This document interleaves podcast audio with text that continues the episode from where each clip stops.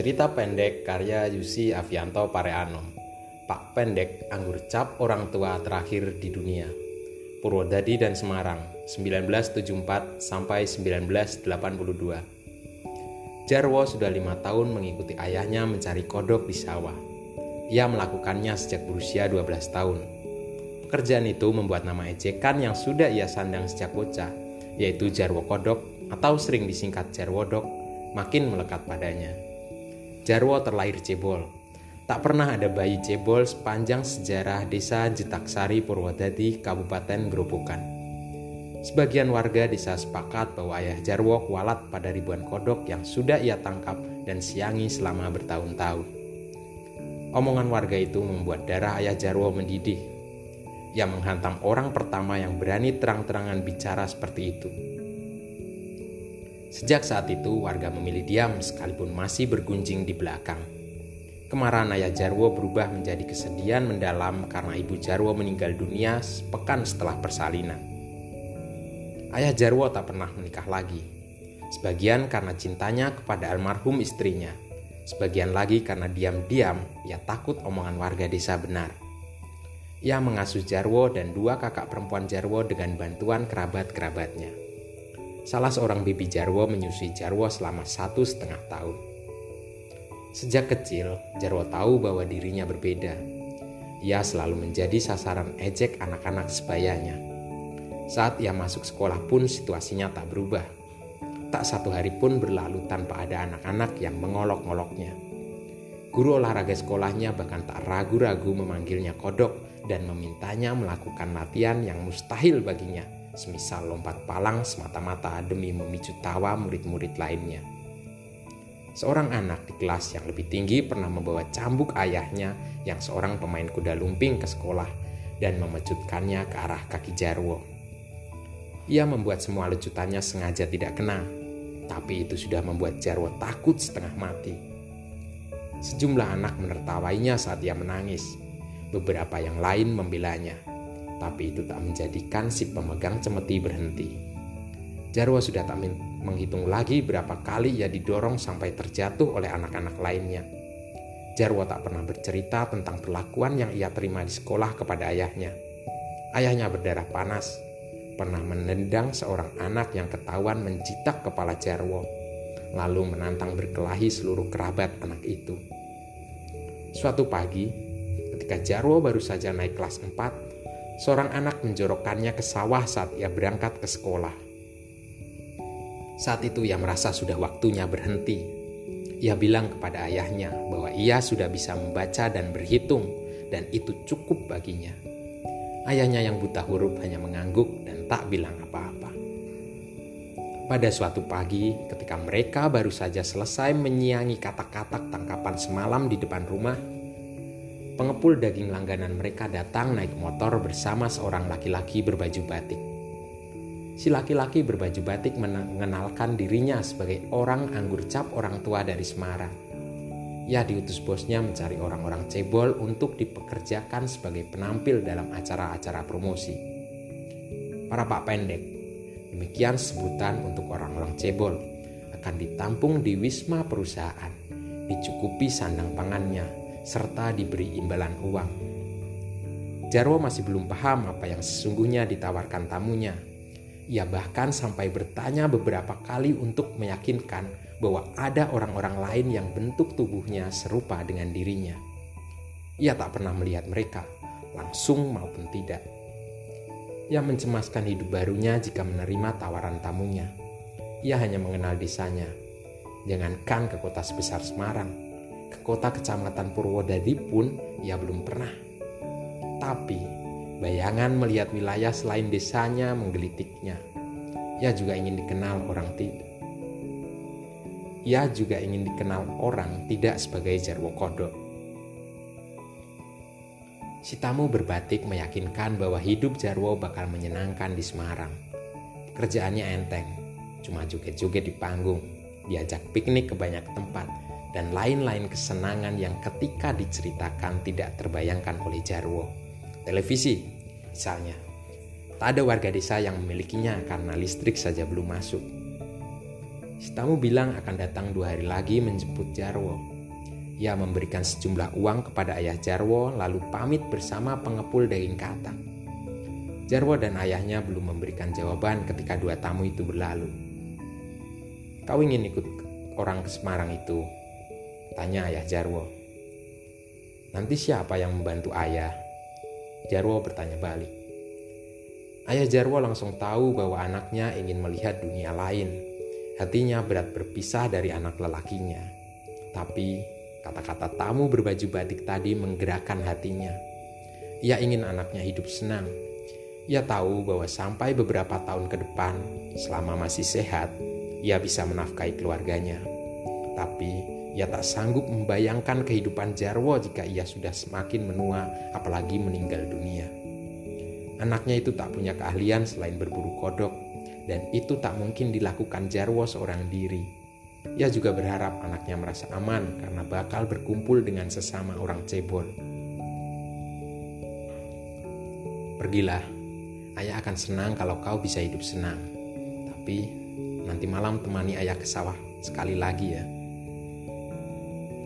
Malam itu mereka meletakkan lampu pijar di tengah-tengah terpal yang mereka hamparkan di sawah. Cahaya lampu segera saja memikat ratusan serangga yang kemudian memancing kata-kata mendekat. Begitu kata-kata sudah di atas terpal, Jarwo dan ayahnya dengan sigap menggulung terpal sehingga buruan mereka terperangkap. Jika ada seekor dua yang lolos, Jarwo sigap melompat menangkapnya. Malam itu mereka berpindah-pindah titik setiap kali cahaya lampu pijar meredup, Jarwo memompa tangki. Hati ayah Jarwo hangat setiap kali ia melihat tubuh anaknya naik turun seperti itu. Diam-diam ayah Jarwo menangis. Ia tahu bahwa malam itu adalah kali terakhir ia berburu bersama anaknya. Malam itu mereka panen besar. Mereka mendapatkan 11 kg kodok sawah. Musim hujan selalu ramah pada mereka. Dua hari kemudian orang suruhan pabrik anggur cap orang tua datang. Ia membawa kolte 120 abu-abu. Jarwo berdebar-debar naik mobil itu. Itu kali pertamanya. Ketika mobil meninggalkan pelataran rumahnya, Jarwo menangis. Tangisnya sebentar kemudian berubah menjadi rasa girang-girang bangga ketika ia melihat wajah anak-anak dan warga desa yang memandangnya kagum karena ia berada di dalam sebuah mobil. Tapi Perasaan barunya sebentar kemudian terhapus karena kepalanya pening dan lambungnya bergolak. Mobil baru berjalan 4 menit melalui jalanan desa yang bergerunjal. Mobil belum lagi meninggalkan desa dan wajah Jarwo sudah pucat pasi. Penjemput Jarwo melihatnya dengan wajah prihatin.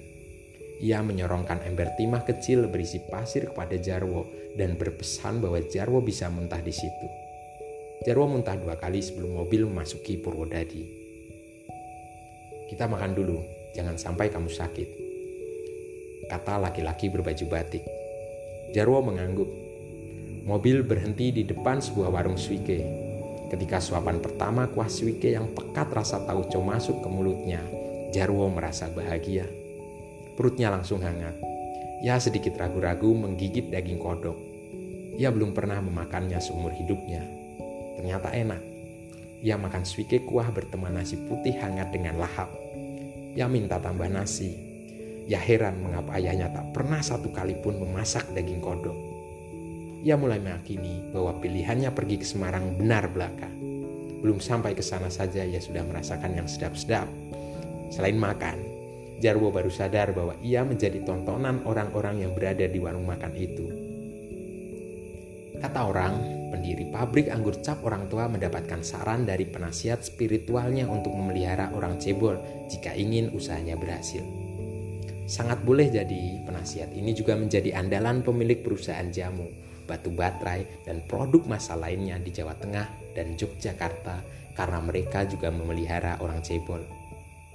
Ada yang bilang mereka mengikuti bangsawan kerajaan-kerajaan Mataram yang memelihara abdi dalam Palawija yang terdiri atas orang-orang bertubuh kerdil, albino, berpunuk, atau pincang yang dalam upacara kerajaan berperan sebagai pengiring sultan.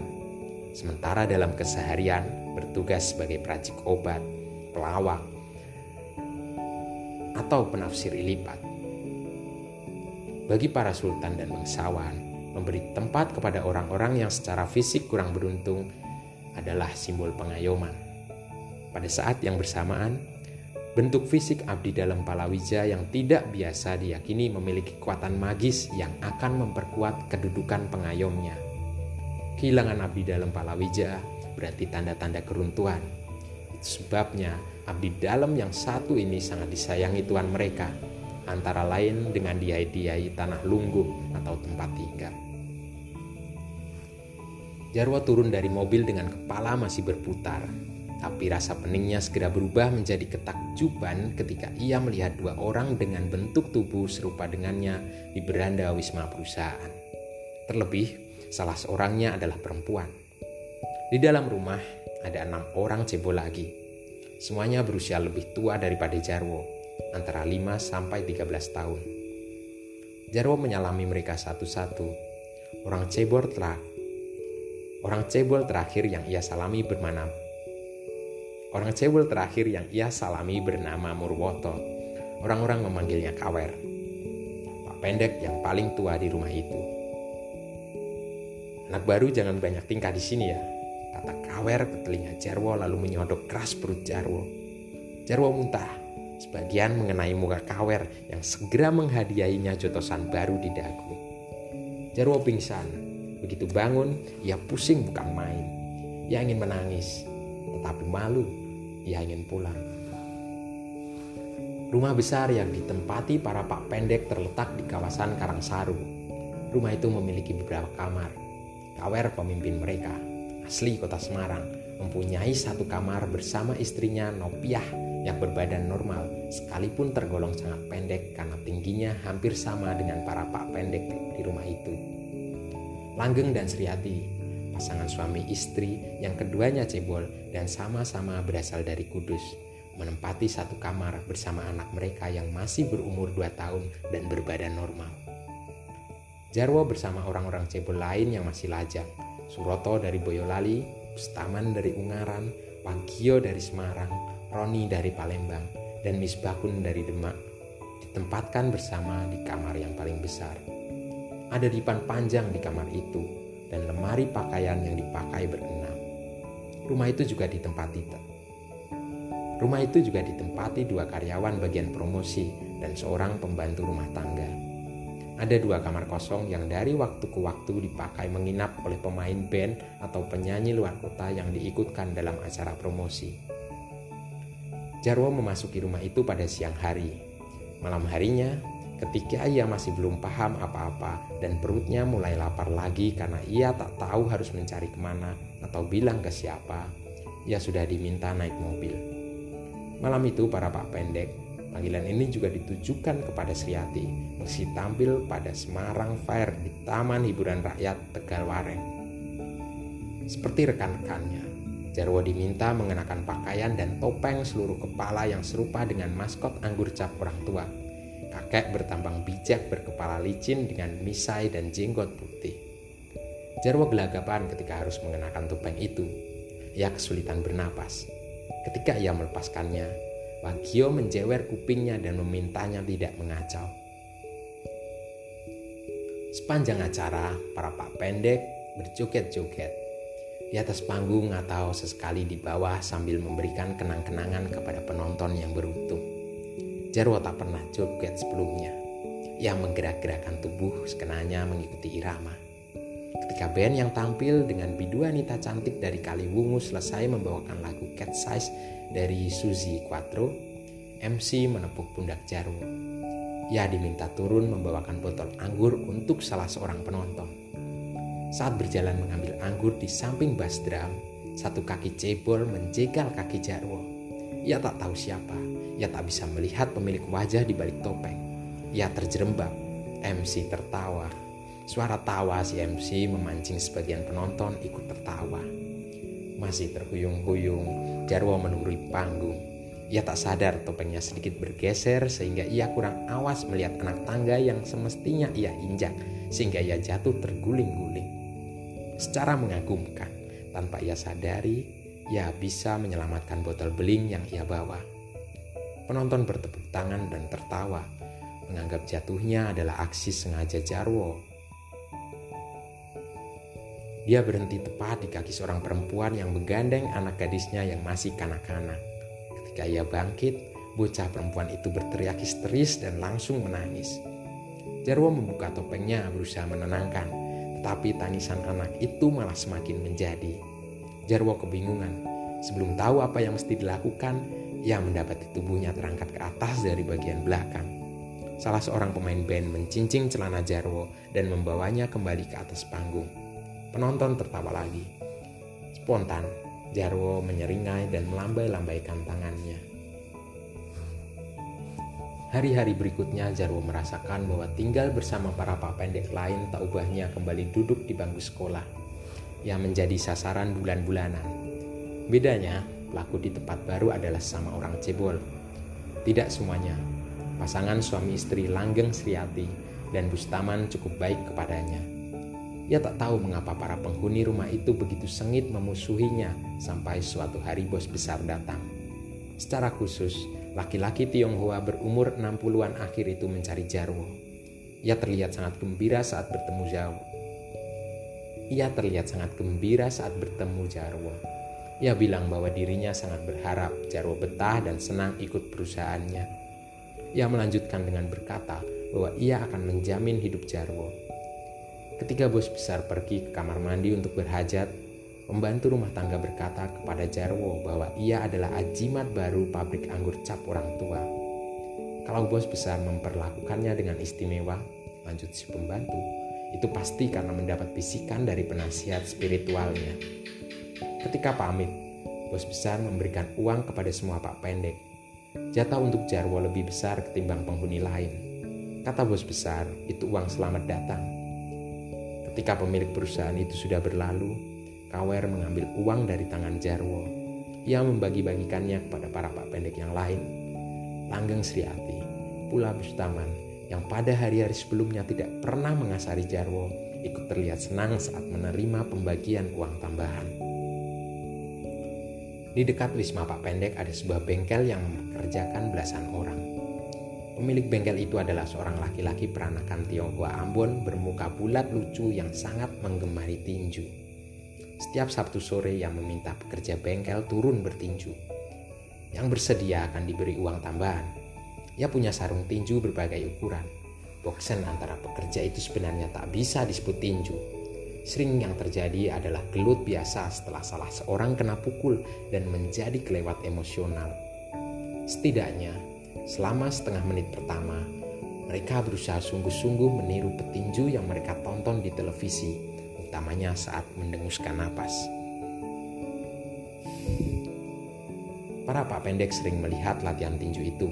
Mereka ramai sorak bersorai, tertawa-tawa, dan menirukan gerakan para petinju kapiran itu. Suatu hari Kawer meneriaki salah seorang yang berlagak sebagai petarung yang payah. Tak terima, orang itu menantang Kawer.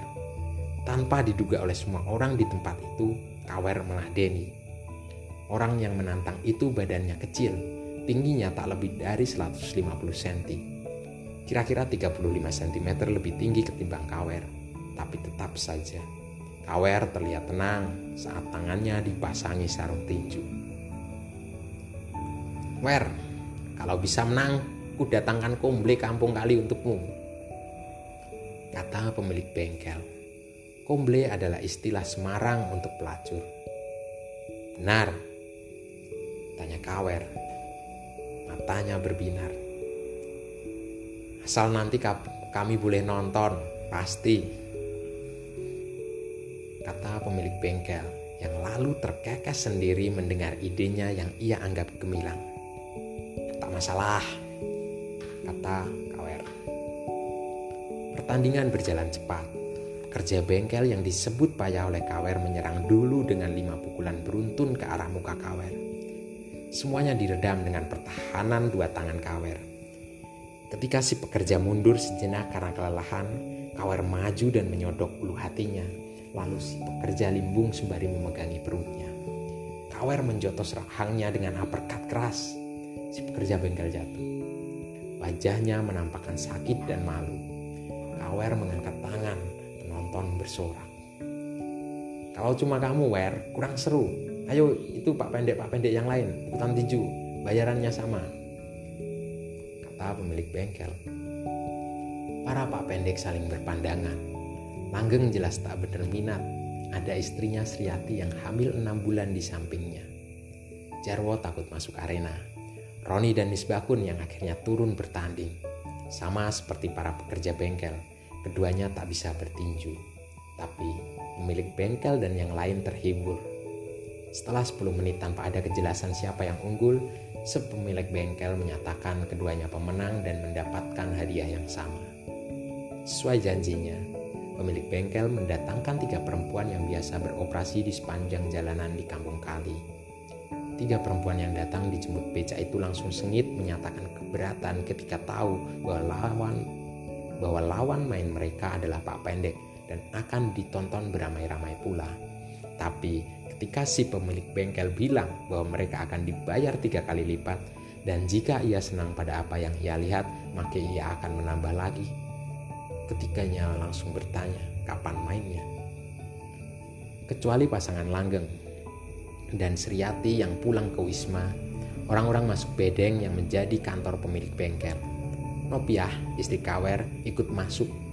Wajahnya sama penasarannya dengan yang lain Jok-jok mobil yang belum terpasang diletakkan di lantai. Ketiga perempuan bayaran segera melepas busana mereka yang kemudian dijadikan bantal. Tidak ada seorang pun dari tiga perempuan itu yang bisa disebut cantik, tapi salah seorang mempunyai tubuh bagus yang masih kencang dengan buah dada budak menantang gaya tarik bumi. Jarwo pernah melihat perempuan-perempuan di desanya mandi telanjang di sungai atau perigi, tapi tak pernah sedekat itu. Tubuhnya bergetar, ada suara oh yang panjang ketika Kawer dan Roni memelorotkan celananya. Mata tiga perempuan bayaran, pula pemilik dan pekerja bengkel, memancarkan kagum.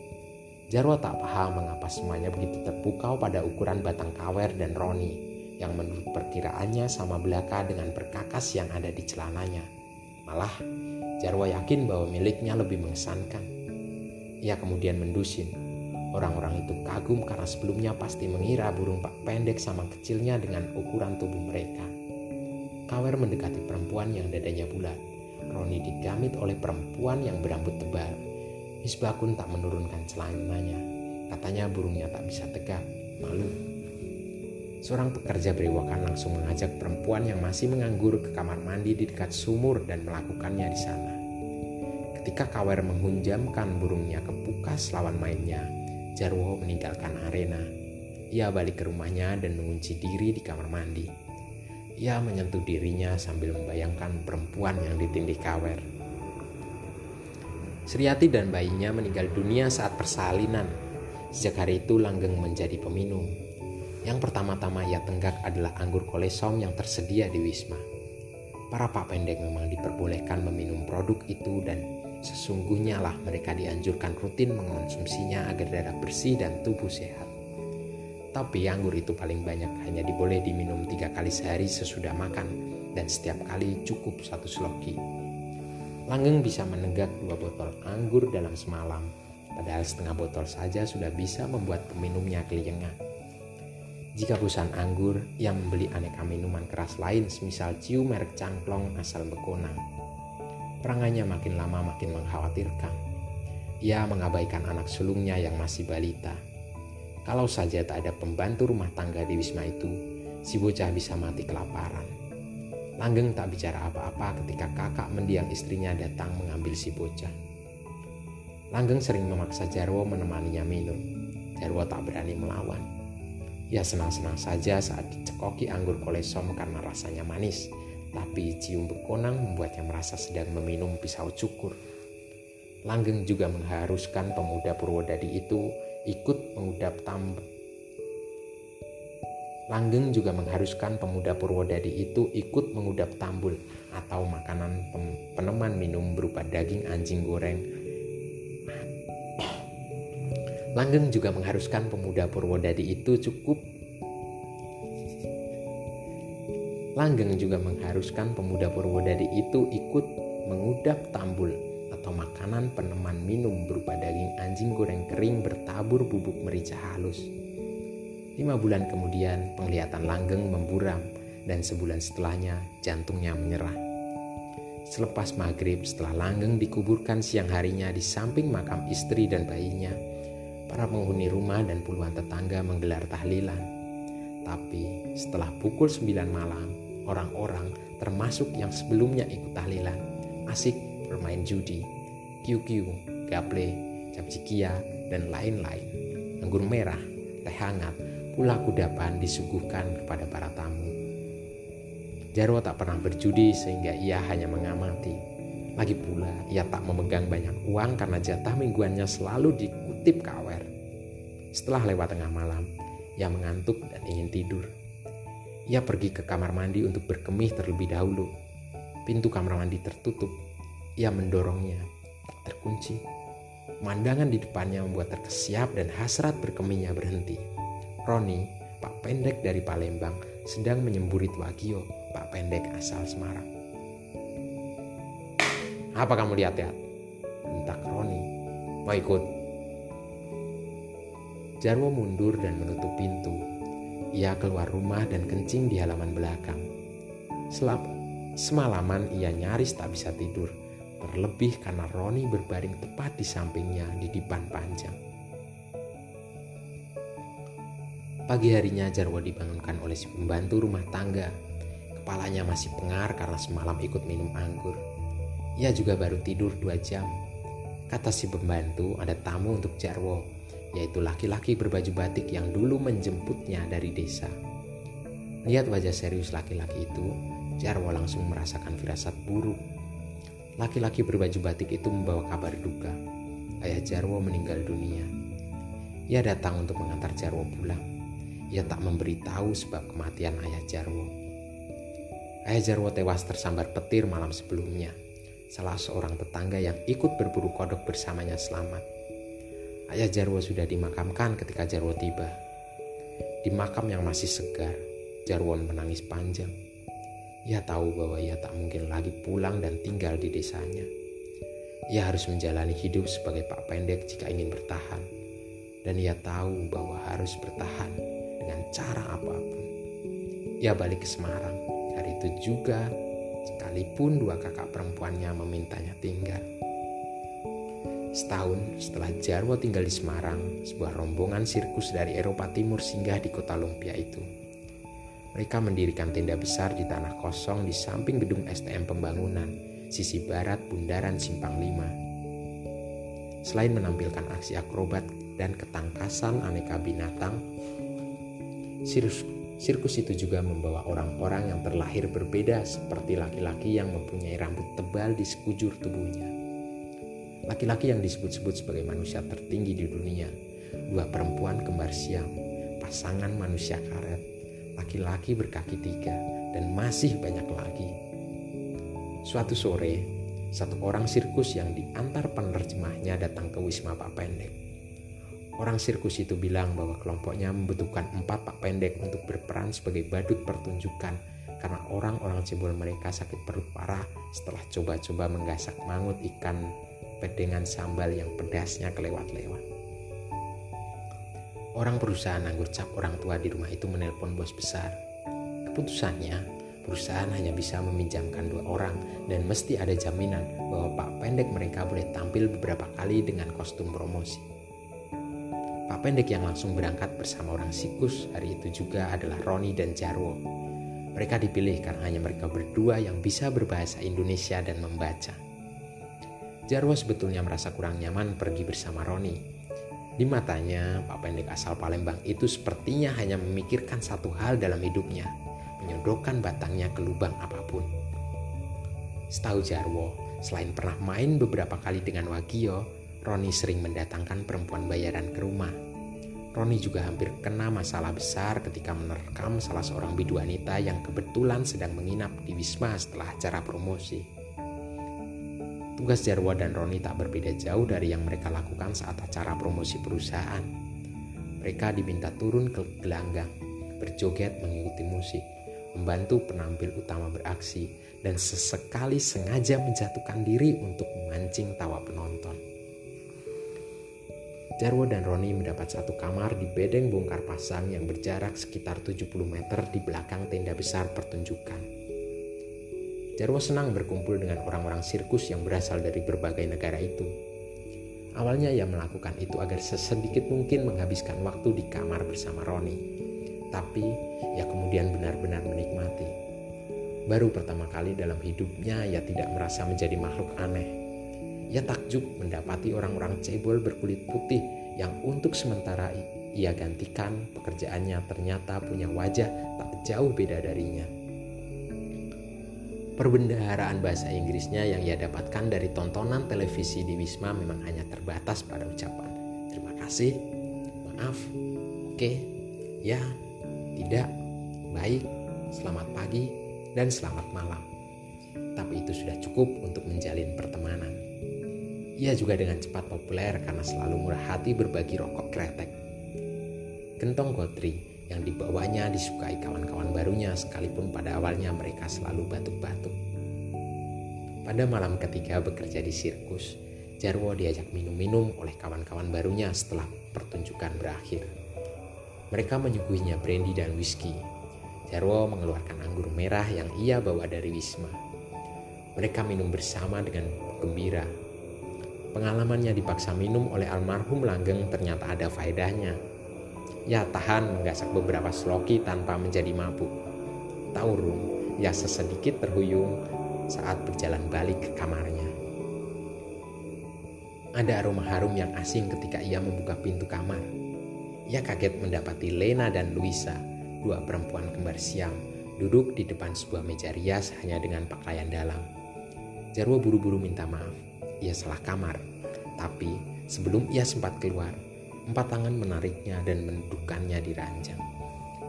Dua perempuan kembar itu saling berpandangan lalu tersenyum. Lena, kembar siam yang kiri, memberi isyarat gerakan merokok. Jarwo mengeluarkan rokok retek dari sakunya. Lena mengambil sebatang, lalu memberi isyarat meminta api. Jarwo menyalakan geretan. Lema, Lena menepuk menepuk pipi Jarwo. Tapi tak berapa lama kemudian perempuan itu batuk-batuk dan Luisa yang tak merokok ikut pula batuk-batuk. Lena memadamkan rokok dan minum cepat-cepat. Ia tertawa. Saudara kembarnya ikut tertawa. Tak tahu harus berbuat apa, Jarwo meringis. Kau manis, kata Lena dalam bahasa Ukraina. Jarwo yang tak paham apa yang diucapkan Lena menjawab gugup, ya dalam bahasa Inggris. Lena dan Luisa terkikik. Grogi Jarwo menjadi ketika Lena dan Luisa mendekat. Mereka mencopot gaun malam yang mereka kenakan bersama. Jarwo bisa melihat mereka tersambung di bagian samping perut. Masih gugup, Jarwo tak bergerak ketika tahu-tahu empat tangan memeluknya dan dua pasang payudara yang bulat kenyal memenekan wajahnya. Sudah lama sekali ia membayangkan mem mem sudah lama sekali ia membayangkan memegang payudara perempuan dewasa. Malam itu, ia langsung beroleh empat. Lena dan Luisa menelanjangi dan menciumi sekujur tubuh pemuda itu. Jarwo tak pernah merasa sebahagia itu seumur hidupnya. Luisa membimbing Jarwo memasukinya. Jarwo merasakan kehangatan yang membuatnya ingin menangis bahagia. Setelah beberapa saat, giliran Lena yang meminta Jarwo berada di dalam dirinya begitu berulang-ulang. Malam itu Jarwo kehilangan kepek. Malam itu Jarwo kehilangan keperjakaannya di Pukas Luisa dan menyemburkan maninya di Puki Lena. Ia menarik batangnya dan dua perempuan itu menjilatinya dengan rakus. Malam itu Jarwo meyakini bahwa surga benar-benar ada. Namanya Sirkus Eropa Timur. Ia tak mau meninggalkannya. Malam berikutnya, Jarwo berada di kamar Lena dan Luisa lagi. Ia diminta datang. Yang tidak ia duga, di dalam kamar sudah menunggu juga sepasang manusia karet. Kamar menjadi lebih sesak ketimbang malam sebelumnya. Lagi-lagi, ketika belum sepenuhnya berhasil menyadari situasi yang ia masuki, Jarwo sudah ditelanjangi. Yang pertama menyerangnya adalah perempuan karet. Perempuan itu menerlentangkan Jarwo di kasur Lalu ia kayang di atas Jarwo dengan kepala berada di atas langkangan Jarwo. Perempuan itu lalu memutar kepalanya ke bawah dan mulutnya langsung mengulung pipa Jarwo yang sudah tegak. Gerakan maju mundur mulut perempuan itu, pula jilatan lidahnya yang amat lihai, membuat Jarwo meremelek keenakan sampai ia tak sadar bahwa di depan wajahnya ada pukas yang bergerak-gerak. Di gerakan nalo, di gerakan naluri, Jarwo mencaplok pukas itu dan perempuan karet melenguh senang. Di depan meja rias, si laki-laki karet menyemburit Lena sementara tangan kanannya mengobel Luisa.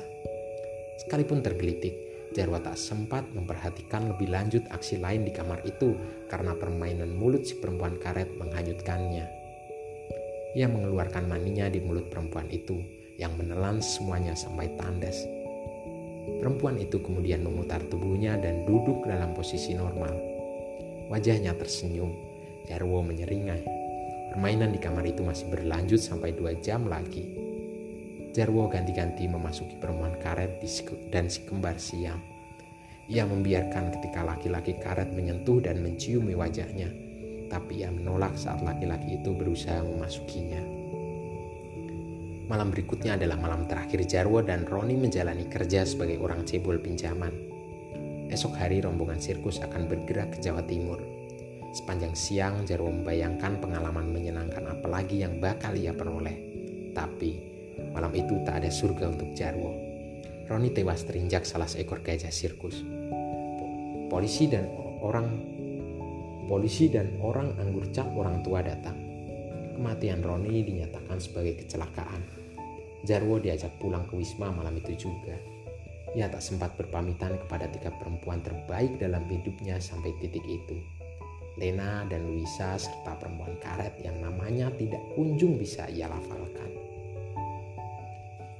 Sekembalinya ke Wisma setelah lima hari menjadi badut sirkus, Jarwo menunjukkan sikap berbeda. Ia mulai melawan ketika Kawer mencoba mengambil jatah uang mingguannya. Mereka berkelahi. Pertama-tama saling tinju, Dian bergulat. Jarwo hampir memenangkan pertarungan jika Kawer tidak cukup kurang menggigit pipinya. Daging pipinya cuil, tidak banyak, tetapi darah menetes-netes. Perlu waktu sepekan sampai lukanya benar-benar kering. Perkelahian membuat bos besar datang. Mereka berdua dimarahi. Mereka berjanji di depan bos untuk tidak mengulangi perbuatan mereka. Namun, sebulan kemudian mereka berdua sudah bertarung lagi. Kali ini adu tinju di bengkel sebelah. Jarwo kalah setelah Kawer menyikutnya dan kemudian menghantam dagunya dengan pukulan lurus. Tak ada hadiah perempuan bayaran untuk Kawer hari itu. Kawer tak peduli. Matanya memancarkan kepuasan. Jarwo tak kapok. Mereka terus bertanding setiap akhir pekan dan Jarwo selalu kalah. Tapi pada setiap pertandingan baru, Jarwo makin bisa mengenali cara-cara licik Kawer. Pada pertandingan ke-8, ia menjadikan kawer bulan-bulanan. Aksi siku dan tandukan kepala dari kawer berhasil ia hindari dengan manis.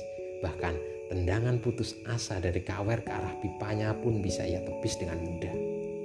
Jarwo membuat kawer terjatuh dengan pukulan hook kanan keras kerahang. Mereka masih bertanding dua kali lagi dan Jarwo selalu menang. Kawer tak mau bertanding lagi. Sesudahnya, tidak dengan Jarwo atau siapa pun. Pamor kawer yang meredup membuat para pak pendek yang lain yang selama bertahun-tahun ditindas kawer berani terang-terangan melawan. Mereka menolak dimintai uang atau disuruh-suruh. Tak lama bagi kawer untuk menyadari bahwa bentakan dan ancamannya tak lagi bergigi. Kawer menerima pukulan satu lagi dari arah yang tak terduga, Suroto. Suroto adalah pak pendek yang paling pendiam di Wisma. Ya bahkan lebih anteng ketimbang Jarwo pada hari-hari pertamanya. Maka Betapa kagetnya para penghuni rumah ketika suatu hari ia lari bersama Novia, istri Kawer. Tak ada yang mendusin berapa lama mereka telah menjalin hubungan gelap. Mereka tak pernah balik Wisma lagi. Ada yang bilang bahwa mereka pulang ke desa Suroto di Boyolali. Ada pula yang berkata bahwa mereka menggelandang mengemis dari kota ke kota. Sekian nasi buruk yang datang berdekatan membuat Kawer menjadi pemurung dan peminum walau tak skill walau tak sekila mendiang langgeng. Pada 1977, Pak Pendek yang tersisa di Wisma tinggal lima orang. Kawer, Ustaman, Wagio, Misbahun, dan Jarwo. Entah bos besar tak berminat atau tak berhasil mendapatkan orang cebol baru, Jumlah mereka tak bertambah lagi sejak kematian Langgeng, Sriati, dan Roni, serta kepergian Suroto. Kegiatan promosi perusahaan juga tak mengharuskan mereka selalu tampil seperti sebelumnya. Perusahaan mulai lebih sering meminta jasa orkes Melayu dengan biduanita-biduanita yang berpakaian seksi. Banyaknya waktu di rumah dan tak ada kegiatan yang berarti membuat kelima orang cobel membuat kelima orang cebol yang tersisa perlahan-lahan menjadi peminum semua. Wagio dan Misbakun tak puas hanya menjadi peminum. Mereka juga mulai rajin berjudi. Mereka sering pergi ke kampung sebelah. Ada sebuah rumah kosong di sana, tempat orang-orang berkumpul setiap hari untuk bermain kiyu-kiyu. Setiap hari setidaknya ada dua kelompok yang bermain. Wagio penjudi yang terampil, setiap hari menang besar, sementara Misbakun payah tak ketulungan. Tapi alih-alih membagikan sebagian kemenangannya untuk menghibur kawannya, Wagio lebih senang mengejek kemalangan Misbakun. Tak tahan terus diejek, Misbakun mengajak Wagio berkelahi di halaman rumah. Pertandingan berakhir tanpa menang karena dileler, karena dilerai oleh yang lain. Lima hari kemudian Misbakun kepergok mencuri uang orang perusahaan. Rupanya bukan kali itu saja yang mencuri. Para penghuni lain juga pernah beberapa kali kehilangan uang. Mereka awalnya mengira duit mereka diambil oleh tuyul milik salah seorang penghuni kampung sebelah. Setelah Misbakun tertangkap basah, mereka tahu siapa tuyulnya. Misbakun tidak dilaporkan ke polisi, tetapi dipulangkan ke Demak, tepatnya ke desanya di Kadilangu tempat Sunan Kalijaga dimakamkan. Sementara itu, kemenangan demi kemenangan mengubah perangai Wagio. Ia makin sering mengeluarkan kata-kata yang meremehkan penghuni lain. Ia bilang bahwa ia tak butuh lagi jadi pak pendek karena uangnya dari berjudi sudah sangat cukup menghidupinya. Ia juga sering berlagak dengan berkata akan membelikan kawan-kawan serumahnya pakaian baru tanpa harus menunggu lebaran atau berjanji mentraktir semuanya makanan yang enak-enak. Tapi tak ada satupun ucapannya yang terbukti. Yang paling sering menjadi sasaran ledekan Wagyu adalah Bustaman, satu-satunya pak pendek yang tergolong alim. Sekali sholat, sesekali sholat dan sesekali puasa dan konsumsi minuman beralkohol paling sedikit. Wagio kadang sengaja membawa daging babi dan makan di depan Bustaman dengan mulut mengeluarkan bunyi berkecipak. Kadang ia bilang bahwa ia ingin menyumbang uang untuk Bustaman yang saat itu orang tuanya sedang dirawat di rumah sakit Dr. Karyadi. Tapi ia melanjutkan bahwa ia takut Bustaman masuk neraka dan dan orang tuanya mati sengsara jika menerima uang haram. Suatu hari Wagio menawari Jarwo bantuan jika anak muda Purwodadi itu membutuhkan uang untuk menyewa perempuan bayaran. Wagio berkata bahwa ia tak pernah melihat Jarwo bersama perempuan sama sekali dan ia merasa iri dan ia merasa iba. Jarwo mendengus. Beberapa waktu kemudian, Wagio berkata dengan bisik-bisik bahwa ia bersedia membayar mahal jika Jarwo bersedia bermain seks dengannya. Jarwo kembali mendengus. Wagio ternyata berani pula meminta Kawer menyemburitnya dengan imbalan uang. Wagio melanjutkan dengan bilang bahwa sebenarnya tak ingin-ingin amat bermain cinta dengan Kawer, Tawarannya itu lebih karena merasa kasihan melihat Kawer yang sepertinya tak pernah pegang uang lagi. Wagio ditemukan tewas di kebun pisang dengan dua luka tusukan di punggung. Uang yang dibawanya dirampas. Ia baru pulang dari permainan judi di kampung sebelah. Polisi curiga pelakunya adalah orang-orang yang sudah lama mendendam kepadanya karena ia selalu menang besar dalam permainan judi dan laganya di arena permainan. Kata orang-orang memang sangat menyebalkan. Tapi sampai beberapa bulan kemudian polisi tak berhasil menemukan pelakunya. Setahun kemudian suasana di Wisma menjadi makin sepi ketika Bustaman pergi. Suatu hari Pak De Bustaman datang mengambilnya. Kata si Pak De, ada bangsawan tinggi Yogyakarta, seorang pangeran yang membutuhkan abdi dalam cebolan. Bustaman dibawa begitu saja, tak peduli keberatan orang perusahaan yang berada di Wisma. Kawer yang saat pertama kali bertemu memberi sodokan di perut akhirnya menjadi kawan satu-satunya Jarwo.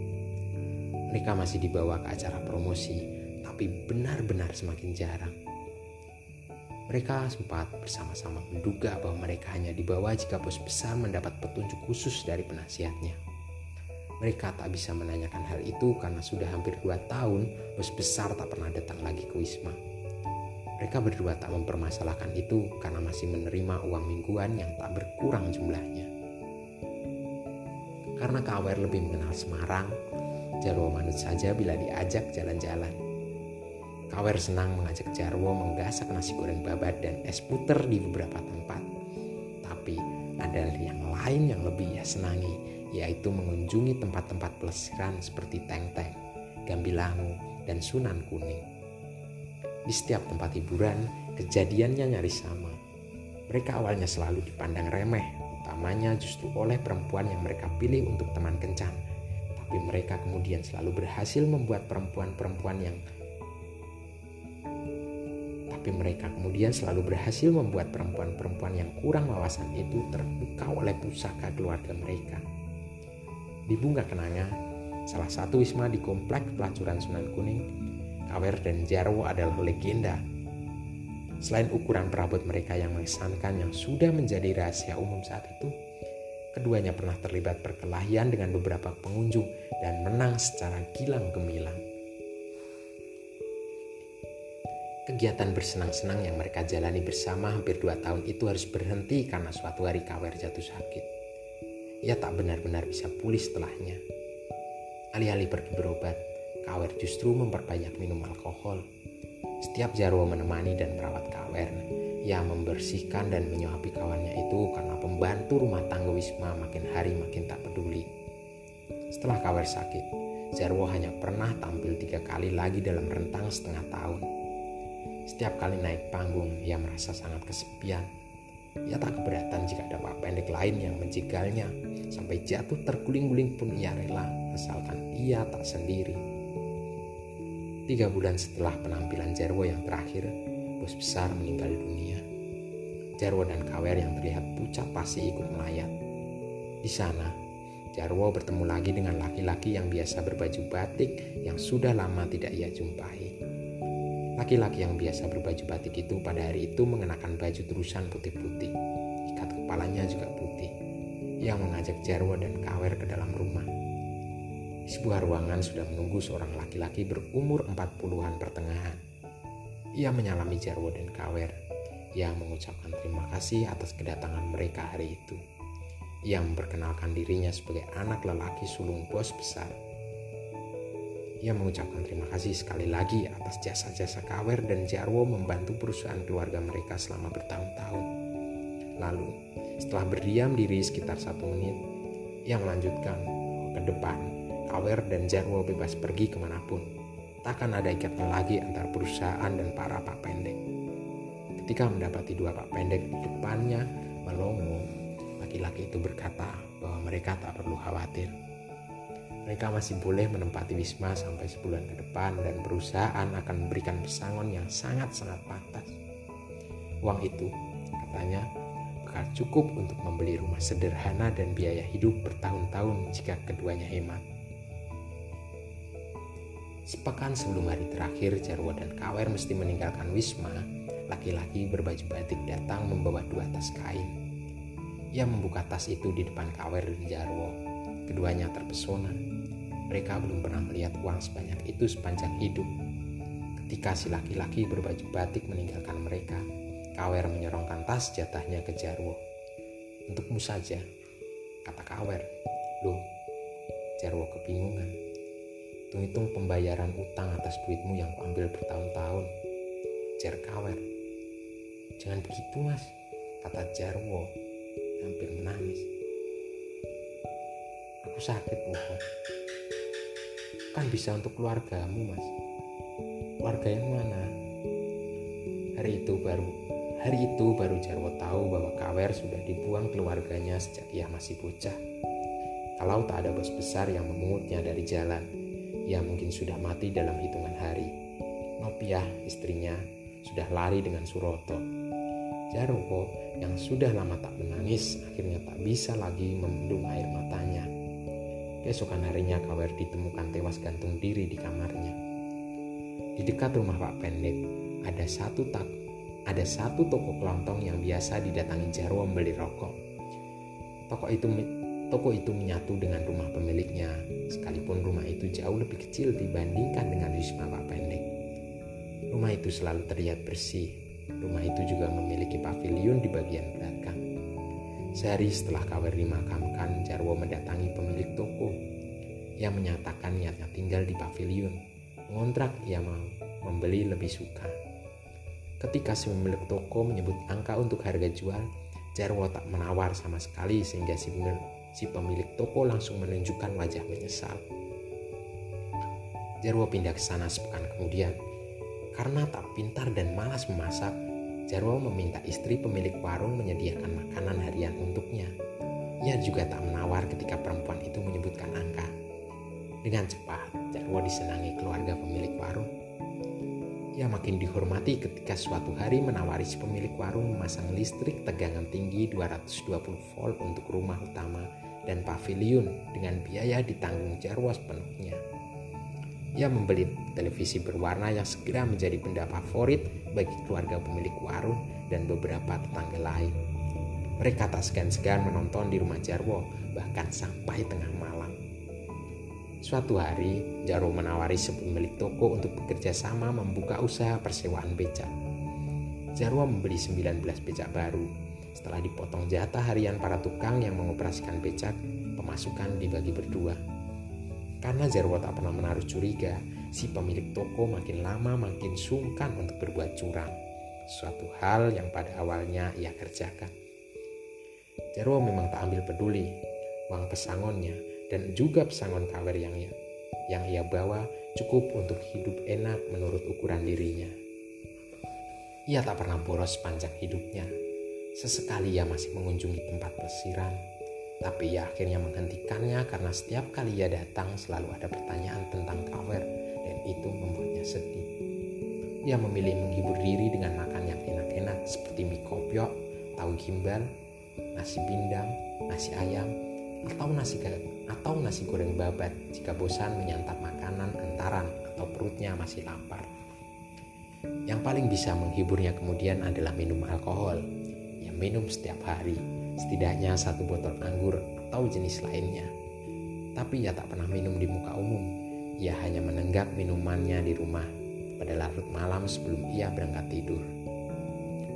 Pemilik toko itu mempunyai anak tunggal perempuan berumur 15 tahun bernama Petis yang berkulit lebih gelap ketimbang kebanyakan perempuan Jawa. Gadis itu setiap hari mendatangi rumah Jarwo untuk mengantarkan makanan. Petis juga sering berlama-lama menumpang menonton televisi berwarna di tempat Jarwo. Mereka menjadi akrab, sering tertawa bersama. Pemilik toko dan istrinya tak pernah mencurigai hubungan Jarwo dan Petis mereka selalu menganggap Jarwo adalah kakak bagi Petis. Sampai beberapa bulan kemudian ketika ibu Petis menyadari perut anak gadisnya menonjol. Sebelumnya, mereka tak awas dengan perubahan tubuh Petis karena anak itu berperawakan kecil. Tak perlu menjadi jenius untuk mengetahui siapa yang mengamili Petis. Menghadapi pemilik toko dan istrinya yang marah besar, Jarwo dengan tenang bilang akan bertanggung jawab ia masuk kamar lalu kembali dengan memberikan tiga gepok uang kepada calon mertuanya itu. Ia menyilahkan mereka menggunakan uang itu untuk hajatan pernikahan. Pemilik toko dan istrinya menerima uang dengan gembira dan melupakan marahnya. Tapi, sekembalinya di rumah, mereka bicara panjang mencemaskan nasib cucu mereka yang ada di perut betis. Mereka takut jika sejabang bayi terlahir seperti Jarwo nanti. Dua pekan kemudian Jarwo resmi menikah. Tak ada keluarga Jarwo maupun orang dari perusahaan anggur cap orang tua yang datang. Ia memang tak mengundang mereka. Pada malam hari pernikahan, salawatan digelar selepas maghrib. Pukul 8 malam, orkes Melayu, para penyanyi, dan para penari coket yang disewa mulai beraksi. Jarwo yang sudah lama tak berjoget merasakan dorongan kuat untuk berajojing ketika lagu-lagu berirama riang dimainkan. Semula, ia masih sungkan kepada keluarga mertuanya. Tapi setelah minum anggur merah yang ia sembunyikan di balik pelaminan seteguk demi seteguk, sungkannya menguap. Ia turun melantai, kembali ke pelaminan, minum seteguk, berjoget lagi, minum lagi, ajojing lagi. Demikian berulang-ulang. Ia tak tahu pada lagu keberapa dan saat berpasangan dengan penari cokek yang mana. Wajah-wajah yang dulu akrab dengannya mulai muncul. Pertama-tama ayahnya, lalu dua kakaknya. Laki-laki berbaju batik, bos besar, para pak pendek yang satu rumah dengannya. Wajah Roni, pak pendek dari Palembang yang tewas terinjak gajah sirkus, tak mau hilang dari kepalanya. Ia ingat malam itu terakhir bersama Roni. Pada malam celaka itu, ia dan Roni berjalan balik dari tenda besar pertunjukan menuju bedeng. Roni mengajak Jarwo mengambil jalan memutar melewati kandang gajah karena kebelet kencing. Kalau lewat jalan biasanya ia malu karena banyak lampu penerangan. Jarwo patuh, tapi tanpa Jarwo duga setelah Roni selesai berkemih, orang cebol dari Palembang itu mendekapnya dari belakang dan dan berusaha melorotkan celananya. Jarwo bisa merasakan perabot Roni menyodok-nyodok pantatnya. Jarwo melawan dan mereka berguling di rumput. Jarwo berhasil melepaskan diri dan menolak tubuh Roni sekuat mungkin. Roni terlambat menyadari bahwa ia berhenti berguling tepat di depan seekor gajah sirkus. Jarwo tidak. Ia bisa menarik Roni menjauh dari gajah, tapi ia tak berbuat apa-apa ketika gajah yang mendadak terganggu itu mengangkat tubuh Roni dengan belalai lalu membantingnya. Si gajah juga menginjak kaki Pak Pendek yang sudah tak berdaya itu beberapa kali. Jarwo tercekat. Tapi seperti ada yang membisiknya bahwa Roni pantas menerima nasib itu. Satu-satunya penyesalan malam itu adalah ia hilang kesempatan untuk bergembira sekali lagi bersama Lena dan Luisa serta perempuan karet tetap saja sulit ia ingat namanya. Lalu Wagio yang tewas dengan dua tusukan di punggung mampir di depan matanya. Jarwo tahu siapa pelakunya, Kawer. Malam itu Kawer membokong Wagio. Kawer bilang bahwa penghinaan Wagio sudah melewati batas. Jarwo tak turun tangan, tapi ia membantu Kawer mengawasi jalan. Jarwo meninggalkan arena joget. Ia menepi. Kepalanya terasa berat ia kembali ke pelaminan. Ia minum anggur lagi tanpa sembunyi-sembunyi. Ia tak peduli lagi jika orang-orang memperhatikannya. Pikirannya melayang pada malam kematian Kawer. Kawer berhasil meyakinkan Jarwo bahwa sisa hidup di luar Wisma tak layak dijalani. Satu-satunya rumah bagi Kawer adalah Wisma yang telah ia tempati puluhan tahun. Jarwo membantu Kawer membuat tali gantungan dari spray. Ia pula yang melempar Antal itu ke palang kayu di atas kamar dan mengikatkannya ke salah satu tiang. Tapi Jarwo menolak permintaan Kawer untuk mendang kursi yang dinaiki kawannya itu. Ia juga meminta Kawer melakukannya setelah ia meninggalkan kamar. Jarwo terus minum. Musik dangdut masih terus mengalun. Petis mengeluh perutnya sakit dan masuk ke dalam rumah. Jarwo tak menghiraukan pengantinnya. Matanya membasah ketika sebuah lagu sedih dimainkan. Ia mencoba bangkit. Ia ingin berjoget sendiri mengenang ayahnya, bos besar dan kawan-kawannya sama Pak Pendek yang mendahuluinya. Tapi baru dua langkah, ia ambruk. Orang-orang menggotongnya ke pavilionnya. Selepas tengah malam, ketika pertunjukan musik sudah selesai, ketika para tamu yang tersisa tugur sambil asik berjudi di pelataran, Jarwo mengembuskan napas terakhirnya tanpa ada seorang pun yang menemani. Di rumah utama terdengar pekik panjang. Tis melahirkan lebih awal, tujuh pekan dari semestinya. Jarwo tak pernah melihat anaknya, bayi perempuan tercantik yang pernah lahir di kampung itu.